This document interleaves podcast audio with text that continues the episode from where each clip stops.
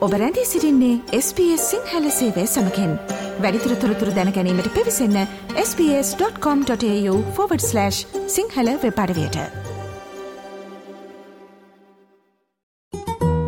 ඔබ SBS සිංහල ගුවන්විතලය සමගින්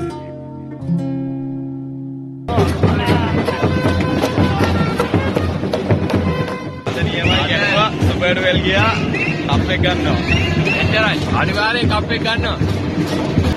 ඇත්තටම තරගය බොහෝ බලාපොරොත්තු තියාගෙනයි මොකද ලංකා කණ්ඩායම කියන්නේ මේ කිසිම වෙලාවක අත්හරින්න නැති කණ්ඩායමක් සහ මේ ලෝකයේ තියෙන මතය කියන්නේ විශ්වාස කර නොහැකිම කණ්ඩායම කියන එකනේ. මොකද අපි ශ්‍රී ලාංකික විදිහට දන්නවා අපේ කණ්ඩායමේ දක්ෂතාවය.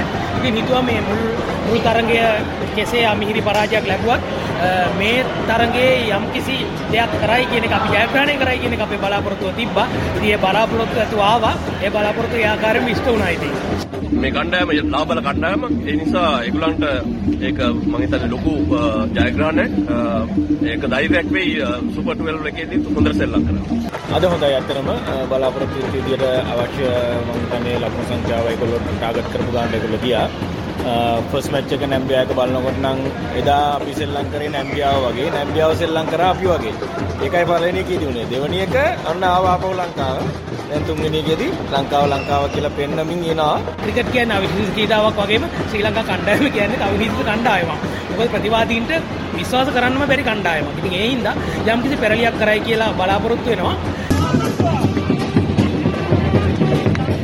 අප සිටින්නේ ජීලෝන්හි කාඩනියපාක ක්‍රඩාංගෙනය ඉදිරි පස විශේෂයෙන්ම ශ්‍ර ලංකාව සහ නෙදලන්තය අතර අද පැවති තරන්ගේෙන් ශ්‍ර ලංකා කණ්ඩෑම ජයග්‍රහණය කිරීමත් සමඟ සුපිරි දොළොස්තනාගේ වටයට ශ්‍ර ලංකාව සුදුසුකම් ලබා ගත්තා මේ සුදුසුකම් ලබා ගැනීමත් සමගම ශ්‍ර ලංකා ප්‍රේක්ෂකයෙන් මේ තරගෙන් නැරමීමට පැමිණි ශ්‍ර ලංකා ප්‍රේක්ෂකයෙන් ශ්‍ර ලංකා ක්‍රිකට් රසිකයින් තමන්ගේ සතුට තමන්ගේ අදහස්ස පලකර ආකාරය තමයි අපිට ඒ අහන්නට ලැබුණේ.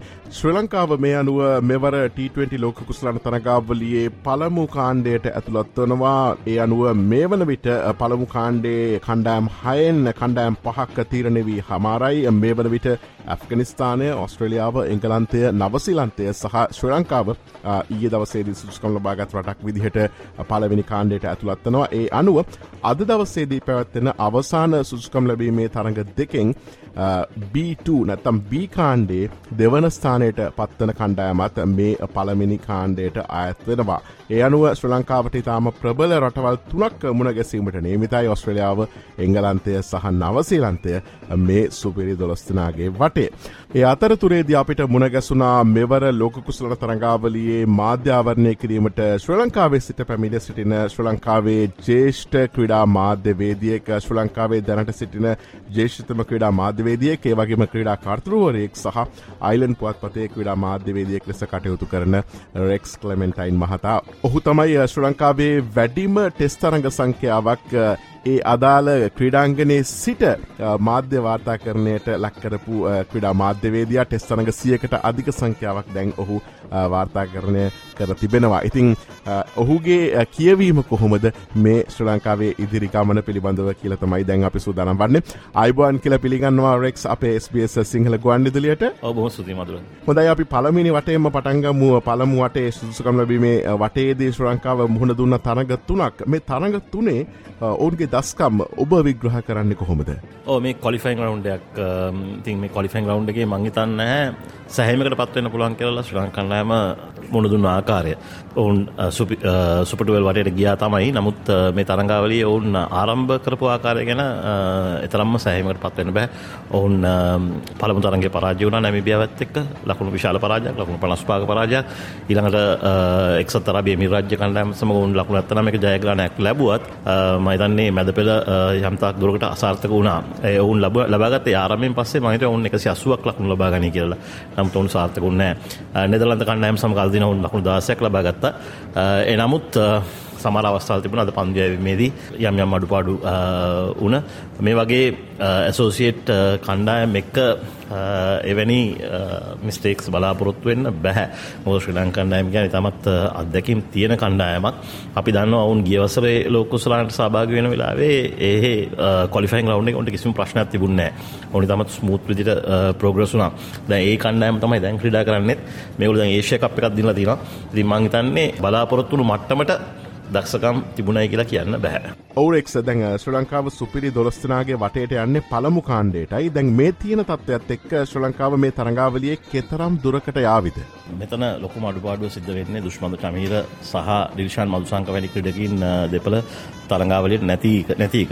ඔහුන් දෙදනාම මං ඉතාමත් ආසාාවෙන් බලා ඉටියේ මේ ඔස්ට්‍රේලියාවට ඇවිල්ලා මේ ලෝක කුසලානේ ක්‍රීඩා කරන ආකාරය විශේෂයෙන්ම චමීර ඔබ දන්නවා චමීරව මේ වසරේ මාර්තු මාසයේ ඉඳන් ක්‍රිකට් පරිපාලනය ඉතාමත් ප්‍රවේශමෙන් තමයි ඔව්ව මැනේජ් කරලා තියෙන්නේ. ඔහුට ඔහුට ඇත්තටම අවස්ථාවක් තිබුණා ආසියානු කුසලානේ අවසාන භාගයේ ක්‍රීඩා කරන්න.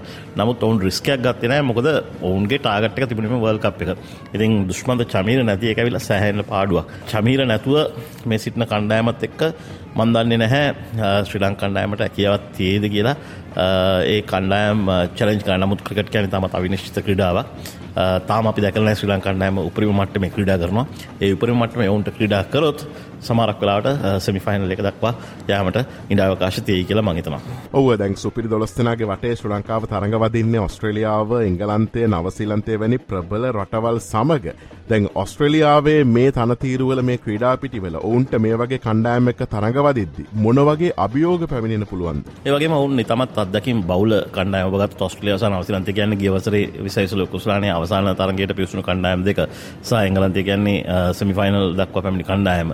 සහ ඔවුන්ගේ විශේෂ මොස්ට්‍රයා සහ එංගලන්ත කරන්න බැලුවොත්තේම ඔවුන්ගේ අඩුපාඩු කියල්ලා කියන්න බැහැ. මගතන ස්ටේව් ස්මිත් වගේ ක්‍රඩකෙක් ලෝක ඕනම කණ්ඩායමට කිසිම ගැටලුවක් නැතුව ඔවු ඇතුළට යනවා. නමුත් ඔස්ට්‍රේලන් කණ්ඩායමට ස්ටේව් ස්මිත් එන්න බැහි කියලා කියන්නේ ඒකෙන් අපට තේරෙන ඔස්ට්‍රේලන් කණ්ඩායම කොච්චර ප්‍රබල කණ්ඩායමද කියලා. ඉතින් ලේසි වෙන්නේ නැහැ. ඔස්ට්‍රේලියානු වෙනි කණ්ඩායමකට තර්ජනයක් එල්ල කරන්න. හොඳයි අපි අවසාන වශයෙන් කතා බහ කරමු ශ්‍රී ලංකාවේ මේ ක්‍රීඩකින්ගේ ආබාධ සම්බන්ධයෙන් ශ්‍රී ලංකා කණ්ඩායමේ ආබාධ ලයිස්තුවට වැටෙන ක්‍රීඩකින් සංඛ්‍යාව දැන් එන්න එන්න වැඩි වෙන ආකාරයක් තමයි අපිට පෙනී යන්නේ. මේ තත්ත්වය සුපිලි දොළොස්නාගේ වටේට බලපාන්නේ කොහොමද? මේ ආබාධ දැන් මම හිතන්නේ පස්වෙනි ක්‍රීඩකයාත් ආබාධයට ලක් වෙලා ඉවරයි. මේ ආබාධ ඇත්තටම ඉතාමත් අවාසනාවන්තයි. මොකද අපි දන්නවා මේ ලෝක කුසලානට සෑහෙන සූදානමක් තිබුණා. සෑම කෙනෙක්ගෙම. නමුත් මේ ආබාධ සිදුවෙච්ච එක වෙලේ තමත් අවාසනාවන්තයි. නැවතත් මම හිතන්නේ දුෂ්මන්ත චමිර නැති පාඩුවවුන්ට සෑහෙන ලොකුවට දැනෙයි. මොකද ඔහු ක්‍රීඩකෙක් ඔහුගේ පන්දු වාර අතර හරි වැදගත්. අපි දන්නවා ලයිරු කුමාර කණ්ඩායමේ සිටිනවා වේගයෙන් පන්දු යවන්න පුළුවන්. නමුත් දුෂ්මන්තකේ තියෙන කන්ට්‍රෝල් එක මම හිතන්නේ නැහැ ලහිරුගේ තියෙනවයි කියලා. ඒ වගේම දුෂ්මන්ත කියන්නේ හරි ස්කිල්ෆුල් බෝලර් කෙනෙක්. එයා ඇවිල්ලා ලහිරුගේ තියෙන අවුට්රයිට් පේස් එක විතරයි. නමුත් දුෂ්මන්ත පන්දුව ස්විං කරලා ක්‍රීඩකින් දවා ගන්නවා. සහ ඔහු අත්දැකීම් බහුල ක්‍රීඩකෙක්. ඉතින් ඔහු නැති එක මම හිතන්නේ විශාල පාඩුවක් ශ්‍රී ලංකාවට ක්‍රීඩකින් මේ වෙට පැමිණ තිබෙනවා ශ්‍රී ලංකාවෙන් යාබාධ ක්‍රීඩකින්ව රිප්ලේස් කරන්න.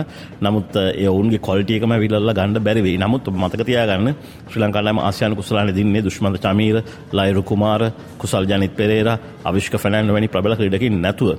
ඉතින් සමහරක් අවස්ථාවලදී තරුණ ක්‍රීඩකින්ට අවස්ථාව ලැබුණම ඔවුන් ඇවිල්ලා බලාපොරොත්තු වුණාට වඩා හොඳින් දස්කම් දක්වනවා.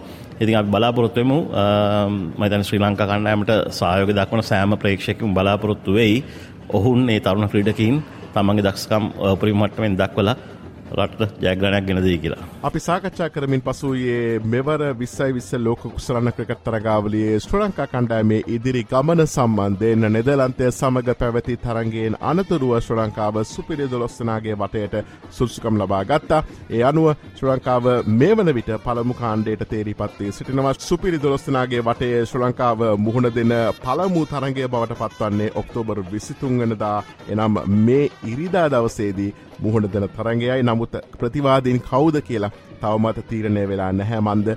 අද පැවත්වෙන අවසාන සුසුකන්ලවීම තරඟවලින් තමයි ශ්‍ර ලංකාවේ විසිතුන්වනිදා ලැබෙන ප්‍රතිවාදයා තීරණය වන්නේ. හොඳ අපි ප්‍රාර්ථනා කර මුශ්‍ර ලංකා කණ්ඩෑමට මේ තරගාවලිය තුළ දිගු දුරක් යාමට හැකියාව ලැබේවා කියලා ශ්‍ර ලංකාවේ ප්‍රේක්ෂකින් වෙනුවෙන්නේ වගේම අපි ස්තුතිවන්ත වෙනවා මේ බොහෝතේද අපි සමඟ සම්බන්ධ වුණ ශ්‍ර ලංකාවේ සිටින ජේෂ්ඨතම ක්‍රඩා මාධ්‍යවේදියක ක්‍රඩා කර්තෘුවරෙක් සහ අයිරන් පත් පතේ ක්‍රඩා මාධ්‍යවේදියක් ලෙස කටයුතු කරන රෙක්ස් කලමෙන්ටයින් මහතාට රෙක්ස් බොහොමත්ම ස්තුතිවන්තයනවා අපේ අදහස්වලට සුබ දවසක් ප්‍රාර්ථනා කරනවා. බොමත්ම ස්තුතියි.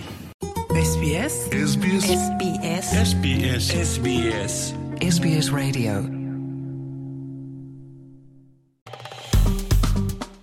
ලයි කරන්න ෂයා කරන්න අදහස් ප්‍රකාශ කරන්න SBS සිංහල ෆස්බුක් පිටුව ෆලෝ කරන්න.